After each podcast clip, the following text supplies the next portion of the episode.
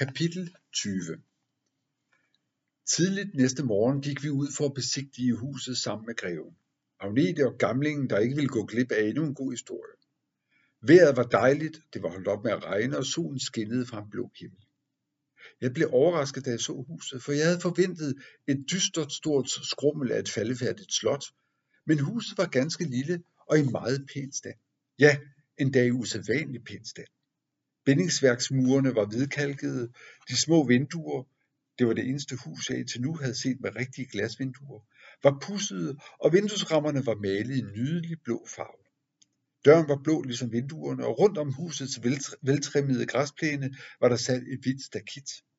Det var med andre ord et hus, man til hver en tid gerne ville flytte ind i, hvis man var til det landlige. Vi blev stående uden for stakittet og kiggede ind. Vi kunne intet se gennem ruderne, dertil var de for små, og der var mørkt ind i huset. Men jeg ville have svoret på, at der steg en ganske fin røgsøjle op fra den lille skæve skorsten, der sad på toppen af stråtaget. Den var dog så tynd, at det var svært at sige det med sikkerhed. Jens kunne ikke se. Det siges, knirkede den gamle ved siden af os, mens han strøg sit hvide skæg. Det siges, at der stundom høres lokkende sang derinde fra. En sang, der lokker uskyldige forbipasserende til at gå ind i huset til deres eget fordærv. Jens greb mig i armen. Vi skal ind i det hus, og dermed basta.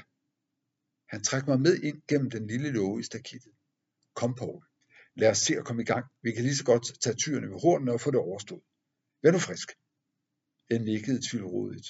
Jeg ville have vinket farvel til Agnete og greven, men Jens åbnede døren, og vi trådte ind i det mærkelige hus.